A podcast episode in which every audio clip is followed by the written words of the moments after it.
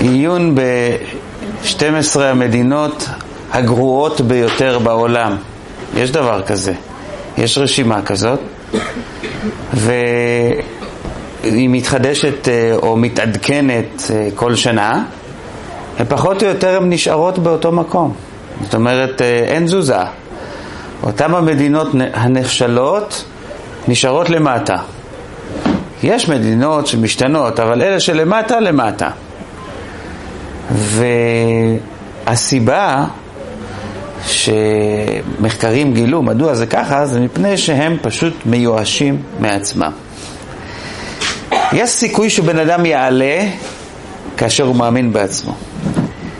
כאשר בן אדם איבד את האמון של עצמו, לא משנה מהם המשאבים שיש לו, לא משנה מי הם המנהיגים שלו, לא משנה איזה חשבון נפש נעשה, אנחנו נשארים באותה דרגה. כדי לעלות צריך אמונה, צריך אמון. בלי האמון והאמונה אין לנו מה לעשות, אין לנו לאן לשאוף, אין לנו לאן להתקדם.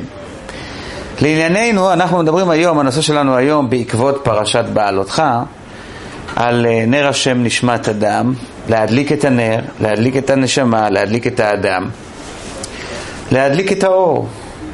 ואני רוצה לומר שהדבר הכי חשוב, שכשאנחנו רוצים להדליק מישהו, בן אדם מדליק במובן הפנימי שלו, מדליק אחרים. אז כשרוצים להדליק מישהו, הדבר הכי חשוב, הייתי אומר אולי הכי משמעותי, הכי הכי משמעותי, זה שאנחנו אה, נגרום למנוע האישי שלו להתחיל לפעול. זה לא חוכמה שתיתן ותיתן ותחזור ותיתן. גם למדינות האלה נותנים וחוזרים ונותנים. אומרים שהפ... שהפלסטינאים לא מעוניינים לצאת באמת מהמצב שלהם, משום שאז הם יפסיקו לקבל. כשאתה רק נמצא בתנועה של קבלה, אתה לא עולה, אתה לא מתעלה באמת. זה כיף, אבל אתה לא מתעלה. כשאתה רוצה להוציא בן אדם או להדליק אדם במובן הרוחני, הוא צריך להיות שלהבת העולה מאליה. זאת אומרת, שיהיה לו איזשהו כוח שהוא מטפס ועולה. עכשיו, כשאנחנו מדברים על בן אדם, מה... מהי השלהבת העולה מאליה אצל בן אדם בדרגה הכי גבוהה? שנתת לו איזה טיפ לחיים, שאיתו הוא קם בבוקר, ואיתו יש לו כוח לחיות, כוח לעשות, אמביציה, שמחה, מוטיבציה, עם כל המילים של היה, איך שתרצו תוסיפו. וזה חייב להיות רעיון, אבל זה חייב להיות רעיון כזה שנוגע גם בלב. הוא מתחיל פה, אבל הוא נוגע גם כן כאן, בלב. ולענייננו, אני רוצה לספר על רב שהגיע אליו אישה אלמנה, שהייתה לה בת יחידה, יתומה, שרוצה להתחתן, אבל יש מישהו, אולי נקרא לו רשע מרושע, שמסיבות שלו, כל פעם שעולה על uh, קשר שנוצר בין הבחורה הזאת לבחור, אז הוא פונה לאותה משפחה ומתחיל לספר סיפורי בדים שליליים על המשפחה, על האימא ועל השתלטנות ועל הפה ועל השם והשידוכים וה... נופלים ושום דבר לא מתקדם והאימא בוכייה, מה אני עושה? אז אומר לה הרב, את אומרת תהילים? היא אומרת כן. אומר, בתהילים דוד המלך אומר, ישועת השם כהרף עין. מה רצה דוד להגיד בזה? ישועת השם כהרף עין, עפעוף של העין אנחנו אפילו לא, לא מבחינים בו. הוא בא לחדש משהו מאוד משמעותי בתפיסת עולם, לא רק בנוגע לשידוך של הבת שלך, אלא בתפיסת עולם. האנשים חושבים שישועה מגיעה כמעה כמעה, בשלבים. דוד המלך בא לחדש לנו שישועה מאת השם, ישועת השם, לא ישועת אדם, ישועת השם היא כהרף עין. לפני רגע לא היה כלום, ואחרי רגע, יש הכל. אין לך מה לפחד שאת לא רואה בתהליך שום דבר קורה, השידוך לא מגיע. משום שכשיגיע האמיתי זה יהיה בשנייה. אין פה תהליך. ואותה אישה קיבלה את, את הרעיון האמינה ונושעה. זאת אומרת, כשאתה בא ורוצה להעיר בן אדם, כשאתה רוצה להדליק בן אדם, אתה חייב לתת לו איזשהו רעיון, כמו שאמרתי קודם, שמתחבר למוח וללב. ושהוא יכול לצעוד איתו, הוא יכול להתקדם איתו, יש לו יכולת להתגבר על כל המהמורות באמצעותו. זה נקרא להעיר מישהו, לתת לו עוצמה. אז תסכימו איתי שכדי להעיר מישהו אתה צריך להיות מואר. זה נראה פשוט, אבל האנשים לא תמיד חושבים ככה. יש אנשים שהם לא מתנהגים כמו נר. טבעו של נר זה שהוא מאיר בסביבה הקרובה, ואם הוא נר עוצמתי הוא מאיר גם רחוק יותר. יש אנשים שהם רוצים להאיר רחוק והם לא רוצים להאיר קרוב. החוק הטבע אומר, אין דבר כזה להאיר, להאיר רק רחוק ולא להאיר קרוב. אין דבר כזה, אתה חייב, המציאות מחויבת להיות שאתה מאיר גם קרוב כדי להאיר רחוק, זה לא יכול להיות אחרת. אז לכן השיעור שלנו מתחלק, קודם כל איך אנחנו מאירים את עצמנו, את נשמותינו, ואז תופח על מנת להטפיח, זה מושג הלכתי, אתה הופך להיות גם אחד שמאיר אחרים, מדליק אחרים. קודם כל אתה צריך להיות דולק, ואחר כך אתה יכול להיות גם כן מדליק. זה התהליך, התהליך של האדם. אז הייתי אומר שהשלב הראשון, החסידות אה, מדוע היא כבשה כל כך הרבה המונים מאז היווסדה עד עצם היום הזה, וזה מין מנגינה שלא נפסקת, רק הולכת וגדלה, זה מפני שהחסידות נתנה אה, רעיון שכלי, והרעיון השכלי של החסידות גם כן בא למעשיות. היא לא השאירה אותו בפילוסופיה. כשאתה לומד קבלה בלבד, אז אתה רק בחלק העיוני של העניין. כשאתה לומד uh, קבלה מעשית, אז אתה רק בחלק המעשי של העניין. אבל כשאתה לומד חסידות, אז החסידות היא קבלה מעשית. זאת אומרת, יש פה את הרובד הרעיוני, והוא יורד גם כן לאיזשהו בחן. כל פעם שאתה מעביר מסרים, אתם תראו, גם כן היום, ברוך השם, העולם האינטרנטי כל כך, כל כך גדול, ולמה האנשים נמשכים בדור שלנו הכי חזק? זה לאותם אלה שנותנים להם גם את הצד הרעיוני, אבל שזה יהיה גם פרקטי. מה, מה זה לחיים? כאילו, מה התועלת לחיים מתוך... תכלס, כן. מה, מה, וזה המעלה של הדור שלנו, שהוא רוצה שזה יבוא למעשה, או כמו שהרבי קורא לזה, שהמעשה הוא העיקר, שזה הדבר הבסיסי. אז כשאתה רוצה אה, להאיר את עצמך, אתה צריך לעסוק בדברים כאלה שהם גם רעיוניים והם גם כן יוריד, יורדים לפן המעשי וקודם כל התיאוריה שלך, היסוד של התיאוריה שלך צריכה להיות כזו. כשאנחנו מדברים על נרות, נרות יהודיים, יש לנו נר של שבת שהוא חוזר על עצמו כל שבוע ויש לנו נר חנוכה. את הנר של שבת אנחנו אמורים להדליק בתוך הבית. יש כאלה שמדליקים ורואים את זה מהחלונות, אבל בגדול זה מיועד להאיר את הבית. הנר של חנוכה, אנחנו אמנם נכון להיום מדליקים אותו בתוך הבית, אבל השורש של הנר של חנוכה זה הדלקה בחוץ, על פתח ביתו מבחוץ.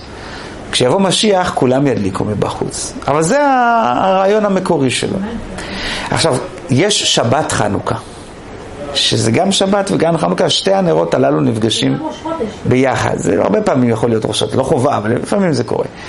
אמ, הנרות הללו נפגשים ביחד. עכשיו, יש הלכה שמדברת על אדם עני, שהוא לא uh, מסוגל לסבסד גם את הנר של שבת וגם את הנר של חנוכה. ואז השאלה הרעיונית, ברוך השם אנחנו לא נמצאים שם, אבל השאלה הרעיונית, איזה נר קודם? יש לי כסף או לנר שבת או לנר חנוכה, את מה אני uh, נותן?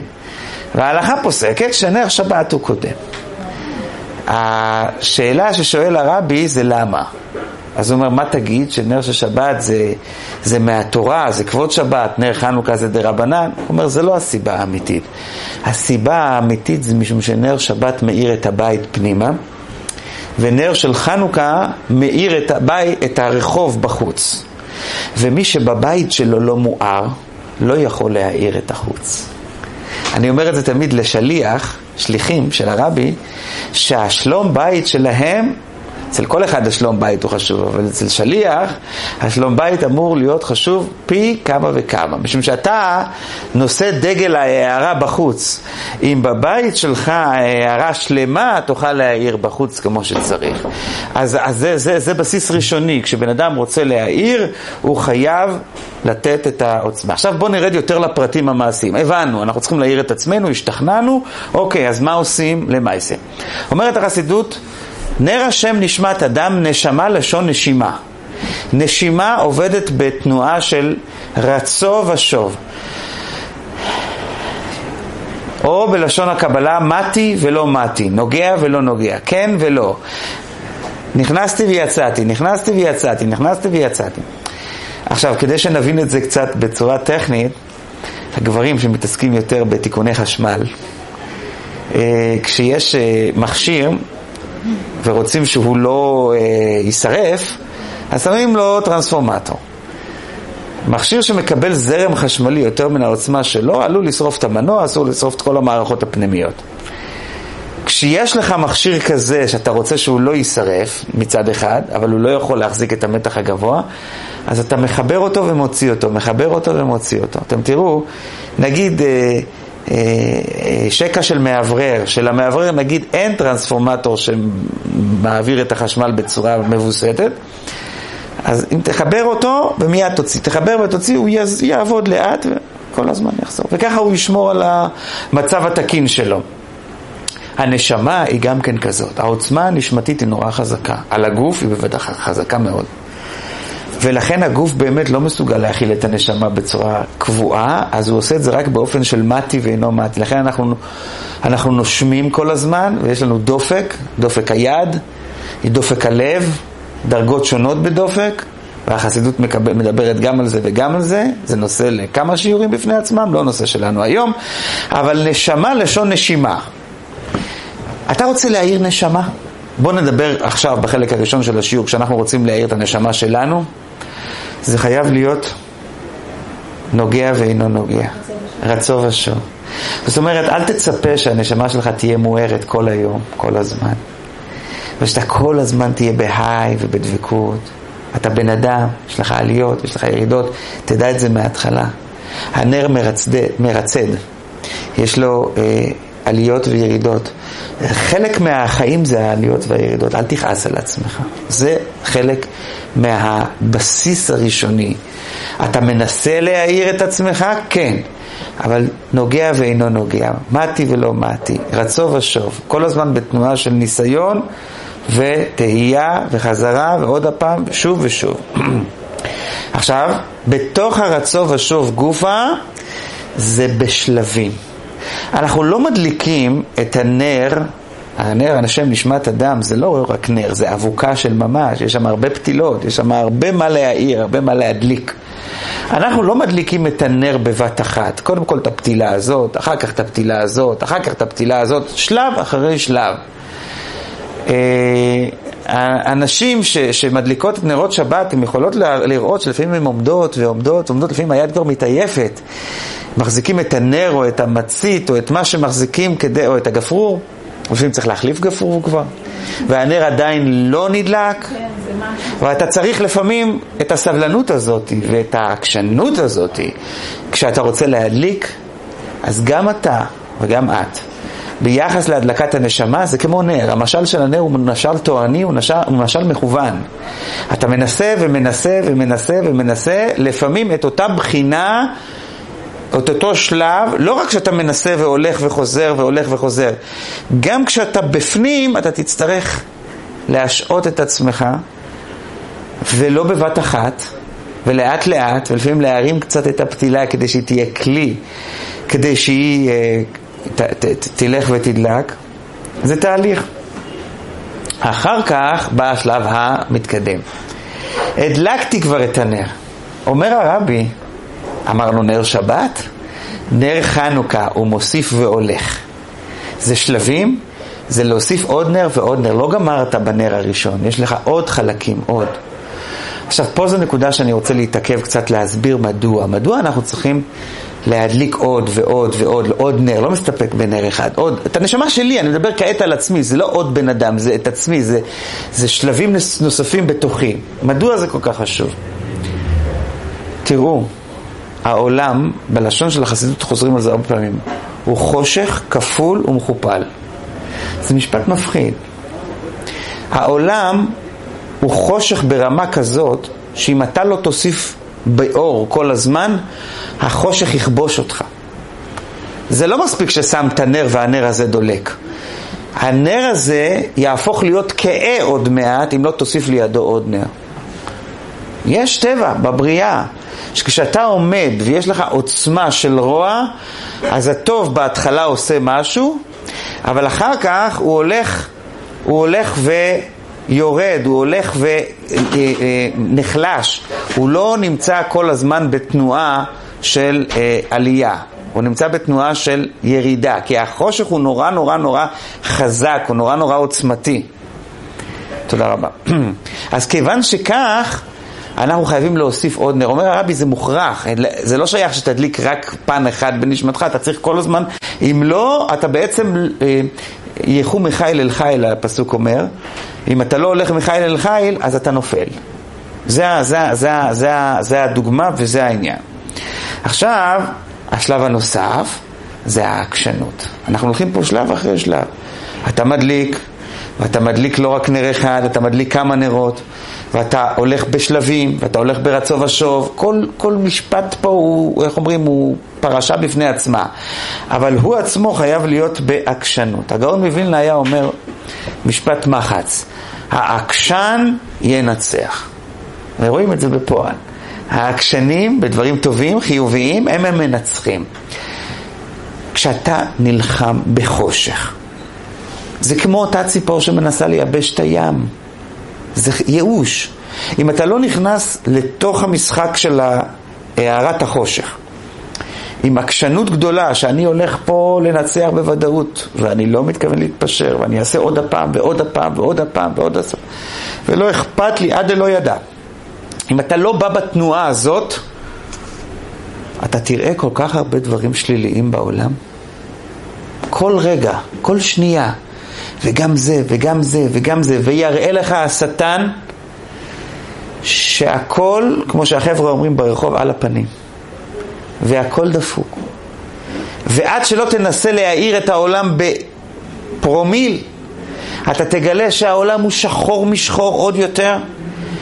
הוא רק רוצה שתגיע למצב, ראיתי פעם איזה אדם, אולי תגידו אכזרי, תפס עכבר, הכניס אותו בתוך בקבוק עם מים. הוא אמר, בוא תראה. העכבר נלחם, נלחם, נלחם, נלחם, נלחם. עד שאיבד את כחותיו. זהו. היצר הרע רוצה לראות אותנו, סליחה על הדימוי, הוא רוצה לראות אותנו עכברים בתוך בקבוק.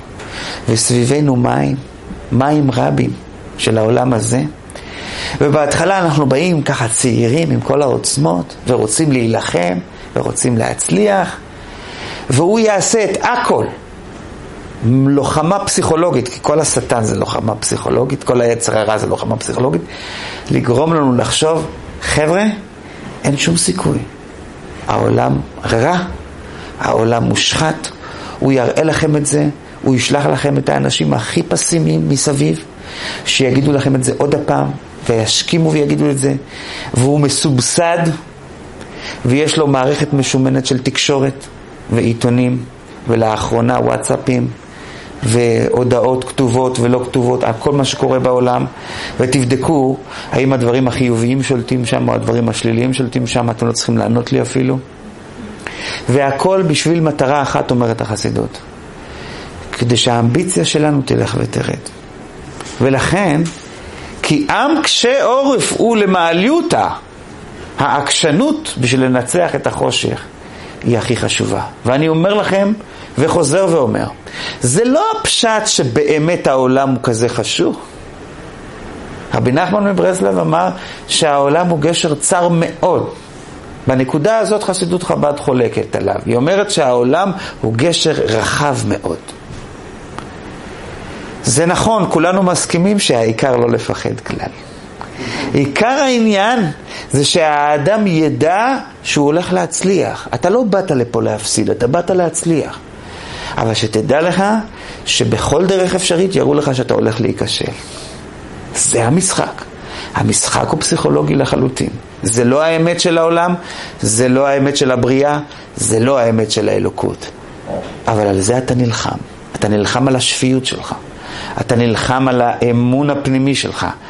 אתה נלחם על האמונה שלך.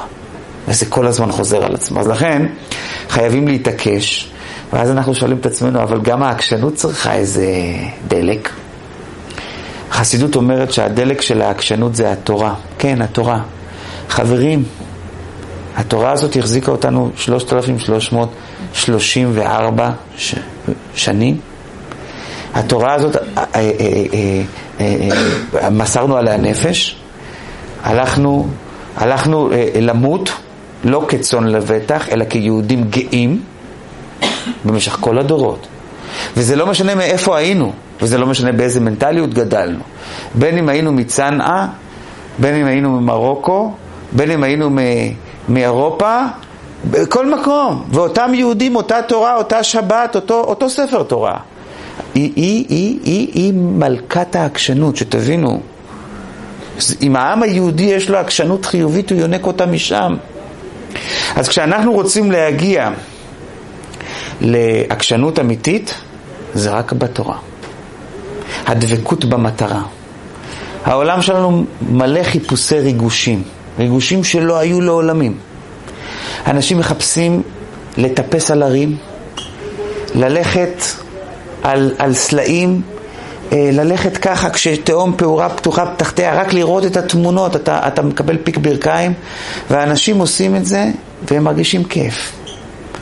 כי העולם כבר נגמר בבחינתם. אם לא תחפש בשביל מה לחיות, כבר אין בשביל מה לחיות. הדבר היחידי שהוא אינסופי כאן בעולם, שהוא נותן לריבוי האנשים שהולכים וגדלים רק מיום ליום, וזו תופעה ש, שצריכים לחשוב עליה, זה רק לימוד התורה. רק לימוד התורה ממלא את ההמונים, את העם, אפילו אנשים פשוטים, לא מדענים, אנשים מן, מן השורה, רק זה ממלא אותם באיזושהי אמביציה חדשה, רצון לחיות, עקשנות לחיות, רצון לעשות, ולהילחם על האמונות שלי. אין שום דבר, כבר הכל פשט את הרגל. התורה יש לה עוצמה של עקשנות חיובית. אם אתה הולך עליה, אתה משתחרר מהריקות הפנימית שקיימת בעולם. אם אתה לא הולך עליה, אז ריקנות שואבת אותך, ואז אתה מחפש כל הזמן תעלול חדש. כשהייתי ילד, זה היה דבר שלא הבנתי אותו, לא הבנתי אותו אז, אני לא מבין אותו עד היום, רולטת הכביש. לקפוץ לכביש כשהמכוניות עוברות ולראות איך הם לא דרסו אותי. וואו. זה ריגושים. אף פעם לא היה דבר שאנשים שיחקו בחיים שלהם בצורה כזאת. אני מדבר איתכם על 25 שנה אחורנית. לא שיחקו בחיים שלהם בצורה כזאת. היום זה רק הלך וגדל, לא הלך וקטן. ולמה? רק בגלל שריקנות השתלטה. או שאתה עקשן באידיאל אמיתי, או שאתה עקשן בטירוף על שטויות ועל ריקנות. ואתה אומר, זה הסטייל שלי, זה אני, ואני לא מוכן לוותר על זה. תבחר איפה אתה נמצא. עכשיו, לימוד תורה, שלב נוסף. אתם מכירים את השיעורים שלי, הוא תמיד הולך עוד מדרגה ועוד מדרגה. מה השלב הבא? לימוד תורה בלי התפעלות לא שווה כלום. אם לא חיברת את זה ללב, אתה לא הצלחת להתקדם לשום מקום. כשאתה מחבר דבר ללב, יש לו קיום. כשאתה מחבר דבר לשכל בלבד, אין לו קיום. אם הצלחת להרים בן אדם גם בנקודה הרגשית שלו, הוא שלך. הוא שלך, הבית שלו שלך, הילדים שלו שלך, ואל תגידו שאמרתי, גם חשבון הבנק שלו שלך. אבל אם חיברת אותו רק רעיונית, שכלית, הוא לא שלך. הבית שלו לא שלך, המשפחה שלו לא שלך, ובטח חשבון הבנק שלו לא שלך. שום דבר לא שלך, לא קנית אותו באמת. קניית האדם נעשית באמצעות הרגש, לכן כשאתה רוצה לקנות את עצמך, שמעתם על אנשים ששולחים לעצמם פרחים לפני שבת? אני מכיר כאלה. אתה, אתה שמעת על אנשים שהם רוצים לחפש את עצמם? בטח שמעתם. אנשים שרוצים לקנות את עצמם? כן. לימוד תורה פלוס חיבור רגשי לעניין. יש, יעבוד. אין, לא יעבוד.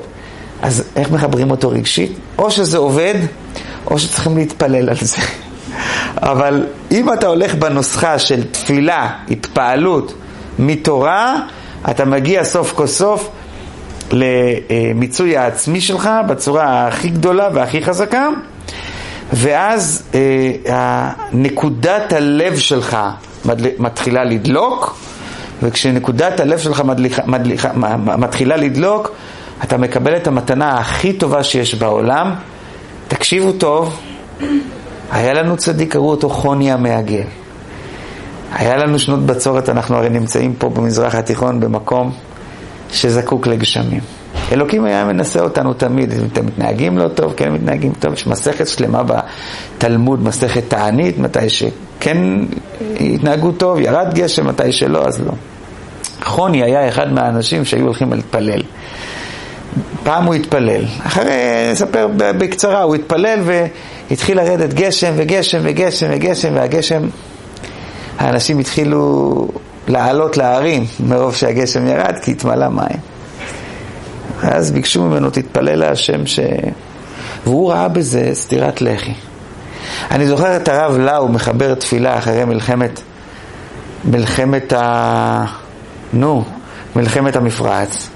זה היה שנה של, של נחש צפה, והשנה שלאחריה הייתה אה, שנה מאוד מאוד גשומה, תשנ"א, 91, 92, מי שזוכר את ההצפות ואת הגשמים והתביעות של האנשים בכביש הערבה וסיפורים. אז אני זוכר אותו עם הקול, ה... הקול המיוחד שלו. כשם שהצלתנו בשנה שעברה מנחש צפה, כן תביאנו בשנה זו לשרב כבד. אז אה, יש, חוני ראה בזה, אה, אתה לא, אתה לא נותן אה, לקדוש ברוך הוא, אתה יודע, הוא נותן לך רוב טוב, רוב טובה זה נקרא בתלמוד, ואתה לא יודע להכיל את זה. אומר הרבי באחת השיחות שלו, אנחנו כולנו לוקים בזה. אנחנו קמים בבוקר, אפופי, אפופי קורים, מרגישים דפוקים, ככה על הבוקר, ככה מתחילים את היום, ובעצם אנחנו אנשים נורא מאושרים, זאת אומרת, מבחינת היכולות והעוצמות והזה, זה, אנחנו גרנדיוזים לעומת אה, דורות אחרים, ואנחנו פנים איכה. זה פשוט מדהים, איך הבני אדם יכולים להיות כל כך מוצלחים ומרגישים כל כך דפוק. זה, זה אומנות, אבל האנשים עושים אותה, האנשים חיים עם האומנות הזאת. ואז הקדוש ברוך הוא מרגיש מבויש. אני נותן, והם לא משתמשים. הם לא מנצלים כלום ממה שאני נותן. שום דבר מהיכולות לא בא לידי מימוש.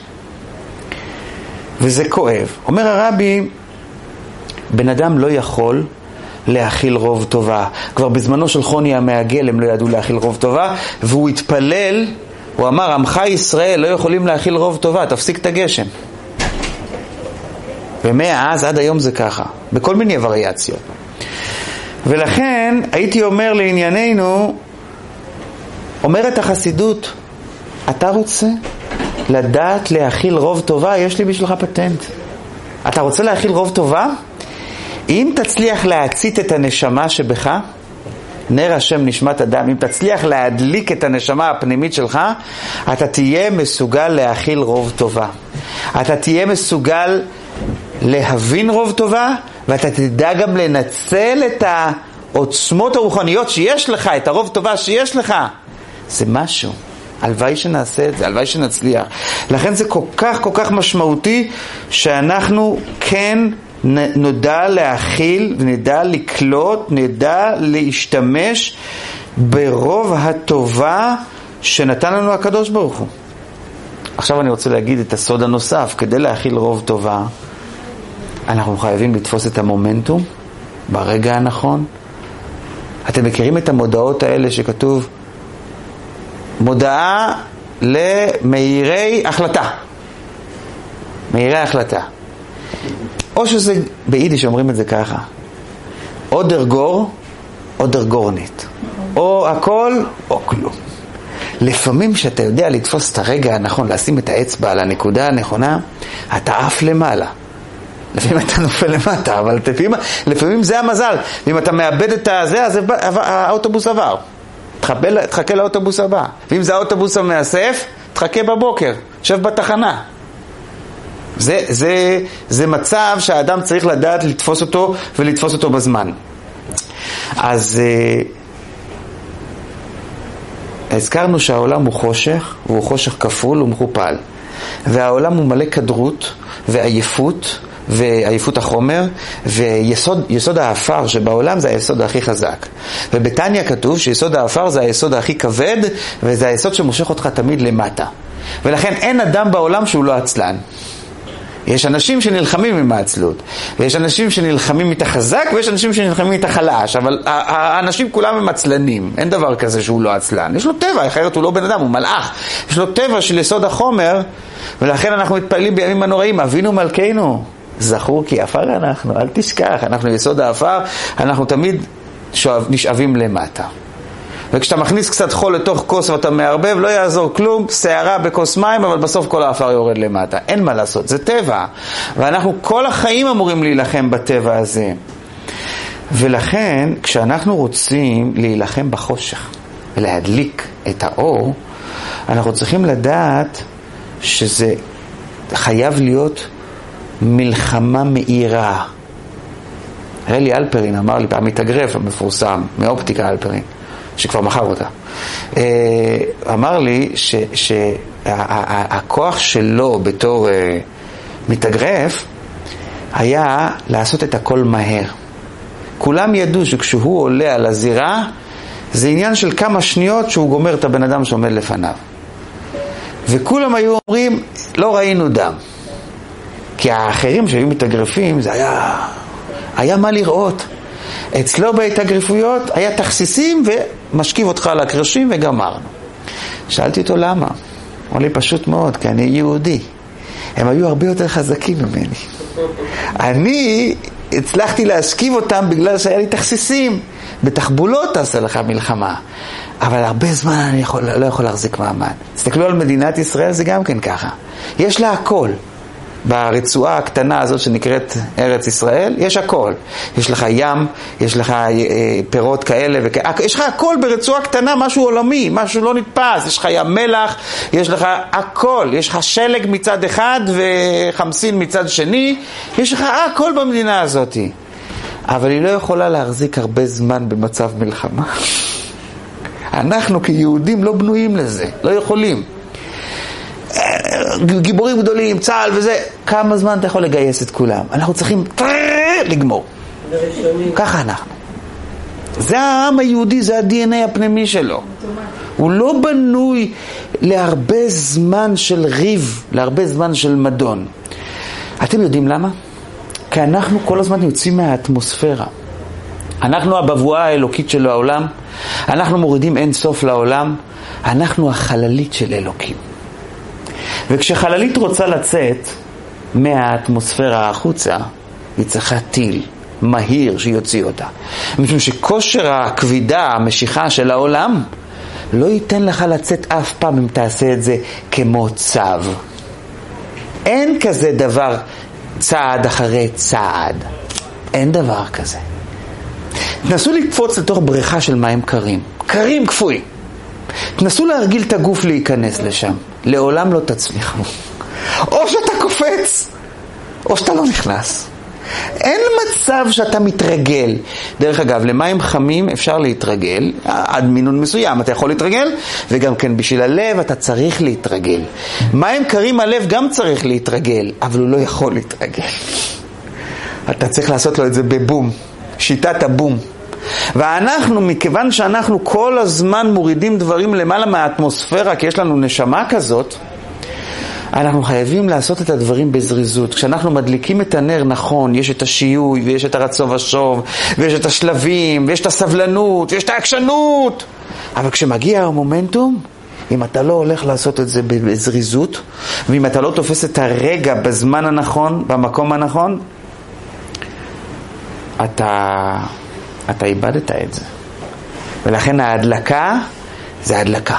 זו הדלקה מהירה, זו הדלקה שהיא תופסת את הרגע, אז כן. אז אנחנו יודעים, כשאנחנו הצלחנו לתפוס את הרגע, אנחנו יכולים לדעת שאנחנו הגענו למצב של רוב טובה. הגענו סוף כל סוף למצב של רוב טובה. אוקיי, דיברנו מספיק על עצמנו. עכשיו, קצת על זולתנו. ברוך אתה אדינו אלוהינו מלך העולם שהה כל יום דברו.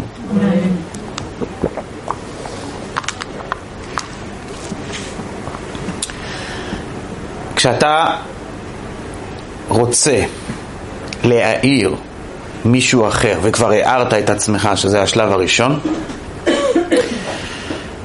אתה צריך לדעת כלל שהחסידות מדברת עליו, גם חוקי הפיזיקה מדברים עליו. בעצם, אור, אור זה דבר שמתפשט בלי סוף. האור מתפשט בלי סוף והוא גם יכול להאיר בלי סוף. מה הסיבה שהאור נתקע באמצע הדרך? על מה? על מה האור נתקע באמצע הדרך? יש מסכים, יש קירות, יש העלמות והסתרים. אומר הרבי דבר מדהים, ההשפעה שלך על אנשים זה אור. בעצם היית אומר מילה, זה צריך בלי סוף להשפיע. אז למה זה לא ככה? אומר הרבי, יש מסכים. אתה יודע מי עשה את המסכים, אומר הרבי? הגאווה שלך. הגאווה שלך. מתי בן אדם נעצר ואומר, אני לא יכול לשמוע אותך? כשהוא מרגיש שאתה מציאות, הוא לא יכול להקשיב לך. אומר הרבי, אם אתה, כשאתה פונה לבני אדם, תוריד את הישות שלך, אז השלב הראשון, כדי שהאור שלך יהיה אור עם מלא לייקים ובלי דיס לייקים. בלי אה, אנשים שמכבים אותך, אם אתה רוצה שזה ככה יהיה, אתה צריך להוריד את הגאווה שלך. זה הסוד, זה הבסיס הראשוני. כל השפעה של נר יכולה להיות אינסופית לאחרים, ובתנאי שאתה הולך בשלבים. אוקיי. עוד נדרש מהאדם, אם אתה רוצה שההשפעה שלך על הזולת תהיה כמו שצריך, אתה חייב לשמר את ההערה הפנימית שלך. לא רק שאתה תהיה דולק, אתה צריך גם לשמר כל הזמן. כל הזמן טיפול עשרת אלפים לבעירה הפנימית שלך. כל הזמן להוסיף בעצמך, וכל הזמן להעיר את עצמך, ועוד ועוד ועוד ועוד. אומר הקדוש ברוך הוא, אם אתה משמר את שלי, אני משמר את שלך. זאת אומרת, אם אתה תשמר את הנשמה ואת התורה שלך, את המצוות שלך וזה תשמר, אני אעזור לך שזה, שזה יצא החוצה. זה כמו כוס קידוש. ממלא, ממלא, ממלא, ממלא, מילית, יתחיל להישפך החוצה. לא מילית עד הסוף, לא יישפך החוצה. וכשבאים אנשים ואומרים, אז למה לא שומעים לי? אז אני אומר להם, או שיש לך גאווה, אין לך יראת שמיים, או שאתה לא מלא, אז לא ישמעו לך. ישמעו לך כשתהיה מלא. כשזה יישפך החוצה, אתה כל כך מלא, זה יוצא כבר החוצה מרוב שאתה מלא. אבל כל זמן שאתה לא מלא, לא. אוקיי, מלא. כולנו כהנים. מי הוא המדליק בבית המקדש? הכהן. כולנו כהנים. ואתם תהיו לי ממלכת כהנים וגוי קדוש. כל עם ישראל הם כהנים בהיבט הזה שהם יכולים להדליק. אנחנו עם מדליק. יש לנו אפשרות להדליק נשמות. ואנחנו כולנו כהנים שצריכים להדליק. אבל איך אני אדע את מי? כל אחד והנר שלו. לא כל אחד אדם זוכה ללמד, אומר הבעל שם טוב. לא כל אחד אדם, לא מכל אחד אדם זוכה ללמוד, אומרים חז"ל. במסכת אבות. אז לענייננו, מה, מה אני עושה כדי שזה יהיה, שאני אדע מי שייך לי? אז החסידות אומרת מאוד פשוט, אתה כהן, תאמין בזה ותדע, ותתחיל להרגיש את עצמך ואת היכולות שלך, וברגע שאתה מרגיש את זה אני יכול לעשות, זה השליחות שלך.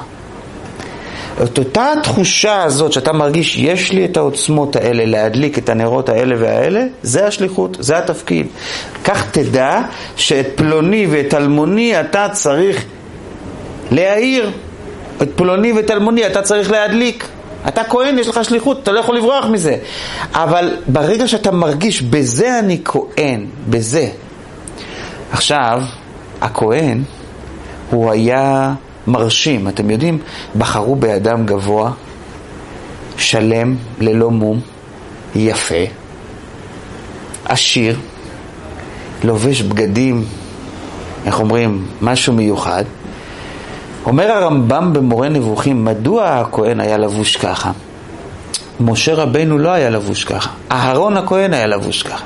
משה היה לו עם חלוק לבן, אהרון הכהן עם שמונה בגדים. אתם יודעים למה? משה רבינו היה לו כוחות מיסטיים. הוא יכול לעצור את, ה, אה, לעצור את הזרימה של ים סוף, הוא יכול לעשות ניסים. האנשים נכנעו לו בגלל הכוח האלוקי שהיה לו. אלוקים בחר בו. באהרון הכהן הציבור בוחר. הם רוצים בן אדם מרשים. הציבור מורכב מבני אדם שהיופי החיצוני תופס אצלהם מקום גם כן, אז לכן הוא נבחר. עד כאן הבנתם? יופי. גם אתם כהנים. מה פירוש? אבל לא כולנו גבוהים. לא כולנו הרב הראשי. לאחרונה זה הפך להיות המודל, כאילו הרב הראשי צריך להיות גם מישהו מרשים. אז, ואני מקבל את זה, אבל השאלה היא, לא כולנו כאלה, לפחות לפי תפיסת העולם שלנו. התשובה היא, אין בן אדם שהוא לא מרשים. תקשיב מי מורשע ממך. תסתכל ביחס למי אתה כהן גדול. וזה, אלו הם האנשים שאתה צריך להשפיע עליהם. אתם מסכימים איתי? אם אתם מסכימים איתי, אז אנחנו עוברים לשלב הכי קשה, מתוך הפסיכולוגיה של האדם, הפסיכולוגיה הפנימית של האדם. אבל לפני זה עוד מילה. אני בא לבן אדם ואני רוצה להעיר אותו. שמע, אני רוצה להחזיר אותך בתשובה. רד לי מהעיניים. הדלת שם. להחזיר אותי בתשובה? אני אחזיר אותך בתשובה. שואל הרבי הרייץ, מה אתה אומר לבן אדם שאתה רוצה כאילו לעזור לו, להעיר אותו? הוא אומר, וזה בדוק. זה לא רק שהוא אומר, אלא זה גם בדוק, כמו שאומרים, הוא מנוסה. תבוא לאיזה בן אדם שאתה רוצה, באיזה מצב, ותגיד לו, תדע לך שאתה או את באתם לעולם כדי להעיר. יש לכם תפקיד, אתם כהנים. אתה חושב שאתה באת להשתזף על חוף הים, אתה טועה. זה אתה יכול לעשות גם, כדי שיהיה לך כוח להעיר, להעיר אנשים אחרים. העבודה שלך זה להעיר. אין אדם בעולם שתבוא ותגיד לו את זה. יש לך תפקיד, אתה פה בתפקיד, והתפקיד שלך הוא חיובי, ואתה באת פה לעזור, וכל יום שעובר ואתה לא עושה את התפקיד שלך, אז חבל עליך וחבל אלה שמחכים לך. אין בן אדם שלא יתעורר מהמשפט הזה. אין בן אדם שלא יסתכל על השעון, ואחר כך על הלוח שנה, וישאל מה עשיתי עד היום, וינסה להשלים. משום שהבן אדם את האמת יודע. הוא יודע שה, שהתפקיד שלו ב, ב, בעולם, אוקיי, אז יופי, אנחנו יוצאים לדרך. עכשיו אנחנו נתקענו באיזושהי נקודה אנושית מאוד מאוד אה, יסודית שאנחנו צריכים לטפל בה. בני אדם אוהבים למלות משבצות מלאות. אתם שמעתם טוב. בני אדם לא אוהבים למלות משבצות ריקות, בני אדם אוהבים למלות משבצות מלאות. מה אני רוצה להגיד? האנשים רואים מישהו עושה משהו, הם רוצים לעבוד קל, בוא נחכה אותו. אם אתה מחכה אותו, אז אתה כבר שכפול של משהו קיים. אז אתה לא. אתה לא הכהן בנושא הזה, הוא הכהן בנושא הזה, לא אתה הכהן בנושא הזה. לא אתה המדליק של הנושא הזה. אתה טועה. זה לא השליחות שלך. זה לא המזוודה שלך. זה לא התפקיד שלך.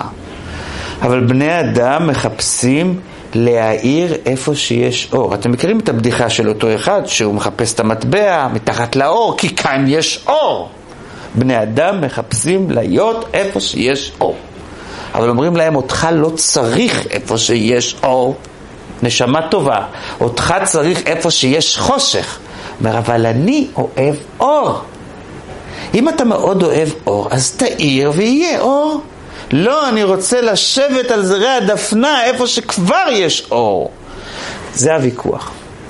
בני אדם אוהבים לעזור לאנשים חכמים, נבונים, יפים ומוצלחים. חברים, הם לא צריכים אתכם. הם לא צריכים אתכם. דווקא האנשים המסכנים והחשוכים, או לא חשוכים, אבל החיים שלהם לפעמים חשוכים, ומראה היום וקשיי הסבל וכולו וכולו, הם אלה שצריכים שתאירו להם את החיים. אל תחפש את העבודה שלך איפה שיש אור. תחפש את העבודה שלך איפה שיש חושך. אל תחפש למלות משבצת כבר מלאה. תחפש את המשבצת הלא מלאה. ורק אז שאלוקים רואה שאתה מנסה להאיר איפה שיש חושך, אז ורק אז, ואני חוזר עוד פעם, אך ורק אז, אתה תקבל סייעתא דשמיא, תקבל כסף, תקבל כבוד, תקבל משאבים, תקבל מה שאתה צריך כדי שתוכל להאיר שם, במקום החושך, במקום הקליפות. כל זמן שתחפש לשבת בחממה שלך, בפרווה שלך, בלשון של החסידות.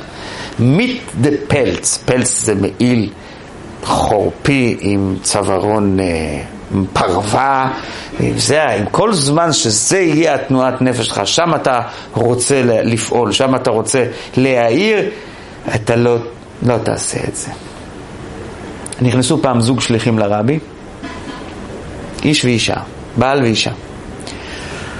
ו... הם אה, עברו תקופה של אה, ניסיונות בשליחות שלהם, והרבי מחזק אותם, ושניהם בוכים, והם אומרים לרבי, מיר זיינן, אנחנו, דם רבן סולדטן, החיילים של הרבי, והם בוכים. אז הרבי אומר, אבל אני רוצה חיילים שמחים. אני רוצה חיילים שמחים. כשאתה רוצה לכבוש מלחמה, אתה לא כובש אותה עם דמעות, אתה כובש אותה עם מרש ניצחון. כשאתה רוצה לכבוש איזשהו דבר, אתה צריך לא לבוא בתנועה של מסכנות. זה החלק שלך, זה התפקיד שלך. תעשה אותו ותעשה אותו בשמחה. ואז תראה עד כמה אתה הולך ומצליח. אל תנסו לעזור לאנשים גדולים וחזקים, אל תפרגנו לחזקים, תפרגנו לחלשים. תפרגנו למסכנים. איש לרעהו ומתנות לאביונים. מגיע חג הפורים, למי אתה שולח משלוח מנות? לאנשים ש, שטיפת אור לא נכנס אצלהם בחדר, או שאתה הולך לכל החברים השמנים שלך ומגיש להם משלוחי מנות כדי להראות שגם אתה וגם הם נמצאים על אותו סטייל. זה בדיוק השאלה. למי אתה מנסה להאיר את החיים? וכאן אני מגיע לנקודה שהיא הרבה יותר עדינה באותו שלב. עד שתהא שלהבת עולה מאליה. אל תכעסו עליי. האנשים אוהבים שבני האדם יהיו תלויים בהם. זה נותן להם אגו. הרבה מאוד פעמים כשאתה בא ואתה עוזר לאיזשהו בן אדם, אתה דואג מבלי מיסים להשאיר אותו חוץ מכבודו נכה, כדי שהוא יצטרך לחזור אליי. התורה מלמדת אותנו שלא זוהי הדרך, עד שתהיה שלהבת עולה מאליה, שהוא יעמוד בכוחות עצמו. היה אדמו"ר פיקח, שקראו אותו רבי מנחם מנדל מקוצק. הוא היה חריף מאוד, הוא סחף אחריו המונים. חכמים. אחרי תקופה, אבל השיטה שלו הייתה אש לאהבה. אחרי תקופה היה לו אחד מהחסידים הכי מוכשרים שלו, קראו אותו הרב יוסף ליינר, מהעיירה איזיביצה שבפולניה. הוא הלך עזב את הרבה שלו, קרע את הממלכה עם קבוצת חסידים והקים חצר בפני עצמו. איך אומרים? בגידה של ממש. הרבנית מקוצק, היה קשה לה להכיל את, את העוול שעשו לבעלה. אז היא אומרת לבעלה, מנדל, ראית מה הוא עשה לך? אז הוא מסתכל עליה ככה, הוא אומר, אני לא מבין אותך. מה את חשבת, שאני מגדל סנדלרים? מה הוא רצה להגיד? אני מגדל אנשים עוצמתיים. כשאתה מגדל גוזל של, אה, של ציפור דרור, אז יהיה לך ציפור דרור. כשאתה מגדל גוזל של נשר, יום אחד הוא יפרוס כנפיים, הוא יעקוף אותך. ואם אתה באמת עשית את עבודתך באמת, אז אתה מאושר מהעניין. אני גידלתי בן אדם גדול, לא קטן. זה העוצמה שלי. אני לא מגדל סנדלרים שאיך אומרים, יסובבו אותי וכל היום יצטרכו ויגידו לי, היי, היי, היי. אני מגדל אנשים שהם מנהיגים, שהם יודעים לבעוט בבטן של אימא ולצאת החוצה. ולהיות בני אדם. ואם תגיע להם, בוא תחזור חזרה, עוד לא ראינו את התינוק שיצא וחזר חזרה. אף על פי שכשהוא היה בבטן האימא, הוא היה מחוסן מכל המחלות, והוא לא היה צריך לאכול, וחוץ מכבודכם גם שירותים הוא לא היה צריך לעשות. והוא יוצא החוצה ויש לו קשיים, אבל הוא לא יחזור לשם, משום שהוא מרגיש את העוצמה כשהוא בחוץ. אז כשאנחנו, איך אומרים, מגדלים בני אדם, מחנכים ילדים, מושפעים, מקבלים, תלמידים, מאירים נשמות, אל תעשו אותם נכים, אני מבקש מכם. אל, אל תחתכו להם את הרגליים.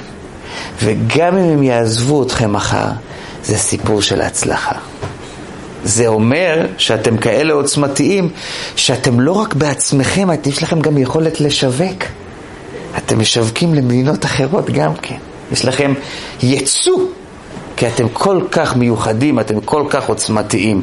כך צריכה ההסתכלות של האדם. אז אתה מאיר את החושך, את מקום החושך, את מקום המטה, את המקום שצריכים אותך שם, את המשבצת הלא מלאה, ותן למשבצת לפרוח, תן לה לעלות, בין אם אתה קיים, בין אם אתה לא קיים, זה לא משנה, המשחק שלך, התפקיד שלך, זה לא התכלית, התכלית שהעולם יהיה יפה יותר ושהעולם יהיה מוצלח יותר ותשתדל שכל האנשים שנמצאים סביבך הם כולם בעצמם יהיו נרות. נרות להעיר, שהם יהיו מסוגלים גם לא רק לגדל את שמך, אלא לגדל את שמם. זאת אומרת, להאיר אנשים אחרים. להאיר את הדרך של האנשים האחרים. הקדוש ברוך הוא הוריד אלף, לא אלף, שש מאות אלף נשמות שעל כולם, זה נשמות כלליות, שעל כולם נאמר שהם נרות. כל העם היהודי זה עם של מנהיגים. כל העם היהודי צריך לשאול את עצמו יום יום מה אני עושה כדי להאיר את העולם. ולכן כולנו צריכים להיות בהשתתפות הזאת, לתת לבן אדם גם את התחושה, ואני חוזר חזרה, מה אני אומר לבן אדם? אתה נר, אתה באת כדי להאיר את העולם, ואתה באת כדי להשפיע, אתה באת לשנות. ברגע שאתה אומר לו את זה, הוא מקבל עוצמה חדשה. אף בן אדם לא אוהב לחוש, להרגיש שהוא חתיכת מסכן ושהתפקיד שלו רק לקבל. זה לא מה שמרים את האדם מעלה. ברגע שמכניסים ומחדירים לאדם, אתה לא רק מקבל, אלא אתה משפיע, אז הוא עולה והוא מת... אני רוצה לעצור כאן, לעשות סיכום של הדברים וסיום. היסודות שעליהם דיברנו הם שניים.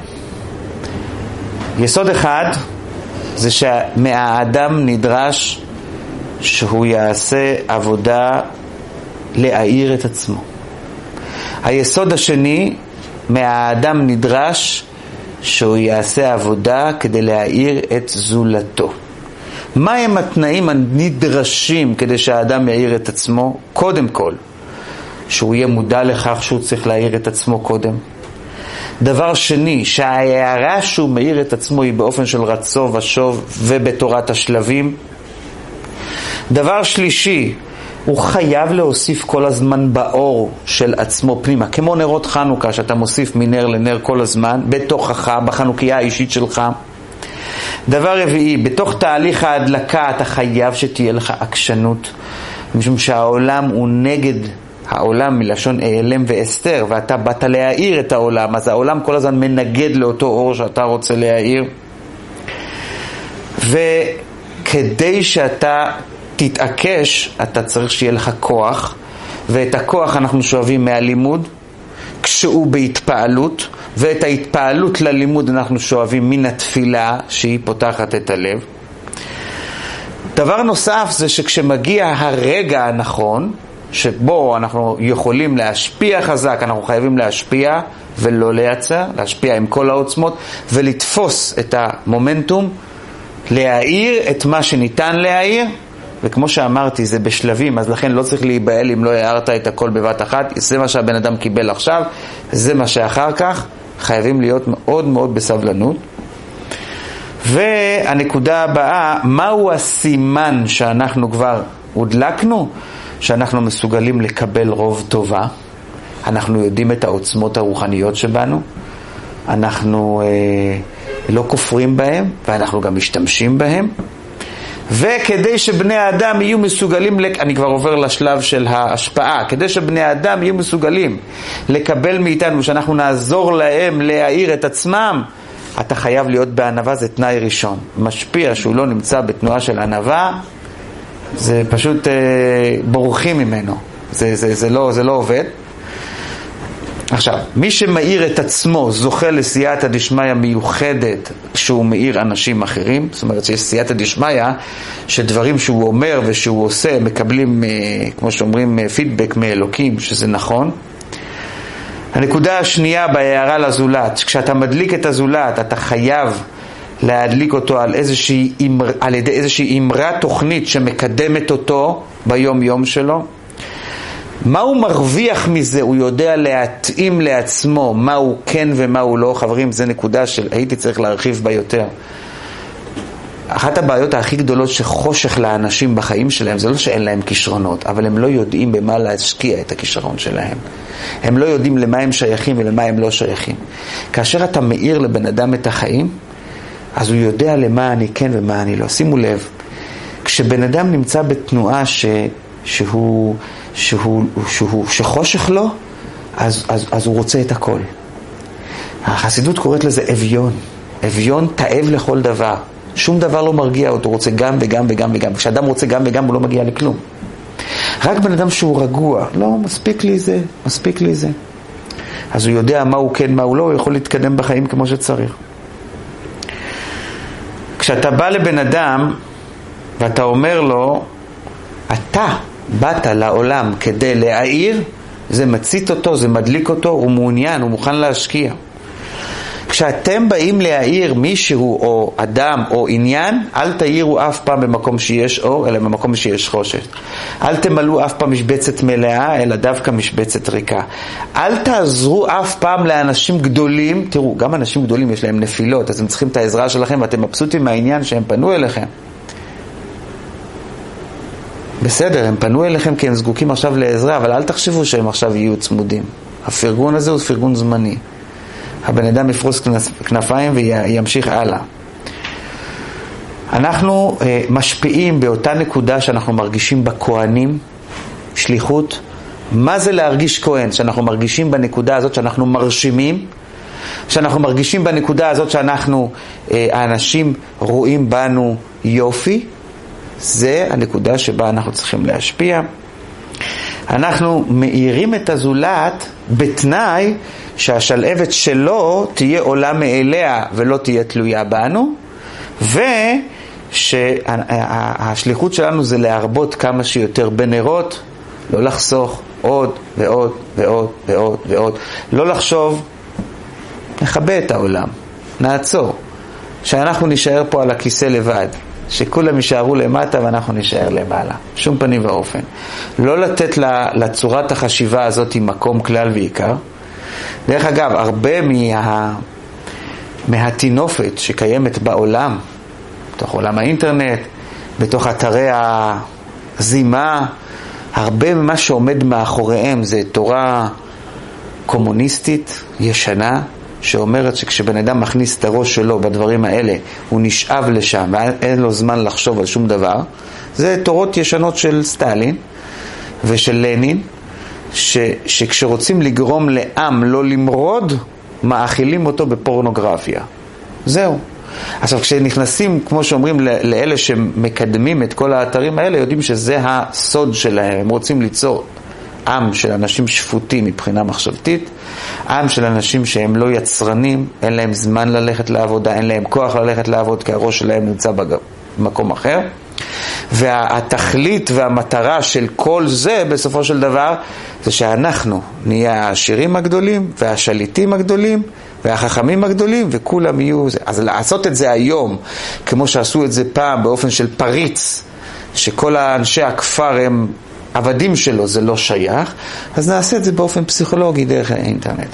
המלחמה הגדולה של היהדות, של התורה, זה שבני האדם לא יהיו עבדים שכליים למישהו או למשהו, אלא שהם יהיו בעלי חירות אמיתית. ובעלי חירות אמיתית זה שהם יהיו עסוקים, אין לך בן חורים אלא מי שיושב ועוסק בתורה, ואז באופן טבעי הוא לא נמשך לכל הטינופת הזאת, לא, לא מקד... לא, האדם לא נופל למקומות האלה, לכן זה נורא חשוב לדבר על זה, בפרט שאנחנו אחרי חג השבועות וקיבלנו את התורה. עכשיו כמה מילים לסיום, כשאנחנו רוצים להעיר בן אדם ואנחנו מדברים איתו, אחד השליחים של הרבי, שליח במינסוטה, הרב משה פלר, כתב איזה מאמר בעיתון. ובמאמר שלו הוא הסביר את המהות של החסידות. שהחסידות היא בעצם צועקת, מאירה את האדם מהעילפון הפנימי שלו. והוא כתב את המילה שהיא צועקת, וכשהוא הגיש לרבי את המאמר להגעה, אז הרבי מחק את המילה צועקת וכתב לוחשת. כשאתה צועק, אתה אולי שכנעת את עצמך. אדם שיש לו קייס לא צועק. אדם שצועק זה כי אין לו קייס. סיפר לי אחד שתפס פעם את הדפי נאום של נתניהו, לפני שהוא הספיק לקחת אותם, והוא ראה שבמקום מסוים, הוא כותב שני מילים בכל עמוד, כן? אז במקום מסוים היה כתוב, הטיעון חלש, צריך לומר אותו בצעקה. כשהטיעון הוא חלש, צועקים. כשיש לך אמת, אתה לא צריך לצעוק. מוריי ורבותיי, התורה שלנו, אנחנו אולי עורכי דין גרועים, אבל התורה שלנו יש את הקייס הכי טוב שיש. יש לה הוכחות בשטח. וההוכחות שלה במשך עשרות, מאות ואלפי שנים. לכן אנחנו לא צריכים לפחד מאף אחד, אנחנו צריכים ללכת בראש מורם, ואנחנו לא צריכים לצעוק לאף אחד באוזניים, מספיק שנלחש לו. אלא מה, שהלחישה הזאת צריכה להיות היום, ומחר, ומחרתיים, עם כל ההתמדה. ואם תרצו, יכול להיות שגם ללחוש לא צריך. צריך להוות דוגמה מעשית. בשנת תשס"ח, שנת 2008, היה מינוי שממשלת ישראל רצתה למנות למנכ"ל מנהל מקרקעי ישראל, אדם בשם יואל לביא, שהוא שימש ראש עיריית רמלה. כמו שאתם יודעים, ראש, עיר רמלה זה עיר מעורבת, איך שזה נקרא. ומי שעצר את המינוי שלו זה תפקיד מאוד מעניין במדינת ישראל. זה תפקיד על, דרגה אחת אחרי האלוקים, שאף אחד לא יכול עליו, לא הממשלה, לא ראש ממשלה, אף אחד, קוראים לו היועץ המשפטי לממשלה. זה תפקיד שמבחינת הכוח שיש לו, יש לו מאה סעיפי חוק עם עוצמות, וכל שנה הם רק הולכים וגדלים, והוא, איך אומרים, יכול להחליט לימין או לשמאל מה שהוא רוצה, והוא לא צריך לתת דין וחשבון על שום דבר. וזה תפקיד גם כשמבחינה משפטית לא, לא הצליחו בדיוק להבין איך הוא, איך הוא חדר לתוך המערכת, בן גוריון הכניס את זה לצורך משהו של ביניים בממשלה הראשונה שהייתה, עוד לפני שהיה בית משפט מסודר, אז הוא הכניס את זה, ומאז זה נשאר תקוע ולא מצליחים, כמו שאומרים, אה, למקם אותו. עד כדי כך שאחד משרי הביטחון, סליחה, שרי המשפטים, אחרי שהוא היה כמה קדנציות שר משפטים, הוא ביקש בפעם הבאה שהוא עלה, שייתנו לו את משרת יועץ משפטי לממשלה, משום שהוא ראה שהכוח לא נמצא בשר המשפטים, הוא נמצא אצל היועץ המשפטי. בקיצור, היועץ המשפטי לממשלה באותם הימים היה מני מזוז, והוא החליט שאי אפשר לתת ליואל לביא לשמש כמנכ"ל מנהל מקרקעי ישראל, מפני שהוא התבטא פעם איזושהי התבטאות נגד ערביי ישראל, אז כיוון שכך הוא לא יכול לייצג את הציבור. יואל אה, לביא הגיש עתירה לבג"ץ, והוא טען שזה לא צודק מה שעושים לו, מכיוון שהוא היה ראש עיר מוצלח ברמלה, והתושבים הערביים בחרו בו. אז ראיה שהעולם הערבי לא רואה בו איזשהו משהו. ואז אה, אה, בד"ץ קבע, כמו שנתן על עצמו בעצם חותמת, אה, שאני הקובע בהתאם למילים שנאמרו, לא בהתאם למציאות. את כל הסיפור האחרון סיפרתי רק בשביל התובנה הזאת. התורה היא בדיוק הפוך. התורה לא מודדת אותך לפי מילים שאמרת, אלא לפי מעשים שעשית. וכשאנחנו מדברים בנוגע לפעולה ההשפעה על הזולת, אז עזבו רגע, עד שאתם לא הולכים להיות אה, יועץ משפטי או בג"ץ או מה שאם אתם לא מחליטים שאתם רצים בכיוון, אז תדעו שמה שבאמת קובע בהשפעה זה המעשים שאנחנו עושים. וברגע שאתה עושה את המעשים הנכונים, וגם אומר את הלחישות הנכונות במקום הנכון ובזמן הנכון, אז באמת ההשפעה שלך היא עוצמתית, למעלה מכל מדידה והגבלה. תודה רבה.